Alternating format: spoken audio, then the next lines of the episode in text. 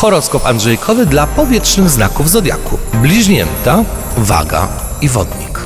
W sprawach miłosnych czekają Was przełomy, czy to pozytywne, czy to negatywne. Karta wieży zapowiada pewnego rodzaju tąpnięcie, czyli czy to możecie na przykład e, wziąć nagle ślub, e, nagle się e, wprowadzić do partnera lub zamieszkać razem z nim w swoim mieszkaniu, ale karta wieży też mówi o różnego rodzaju takich też i negatywnych tąpnięciach, czyli mogą być jakieś takie powody ku temu, żebyśmy na przykład chcieli być sami. No to już wybór należy do Was. E, W sprawach e, zawodowych i finansowych e, czeka Was powodzenie materialne. Karta dziewięciu monet, szóstką kielichów oznacza sytuację unormowaną, sytuację ustabilizowaną, ale będziecie też bardzo emocjonalnie i zbyt wrażliwie podchodzić do pracy i tutaj jest zalecany pewien dystans.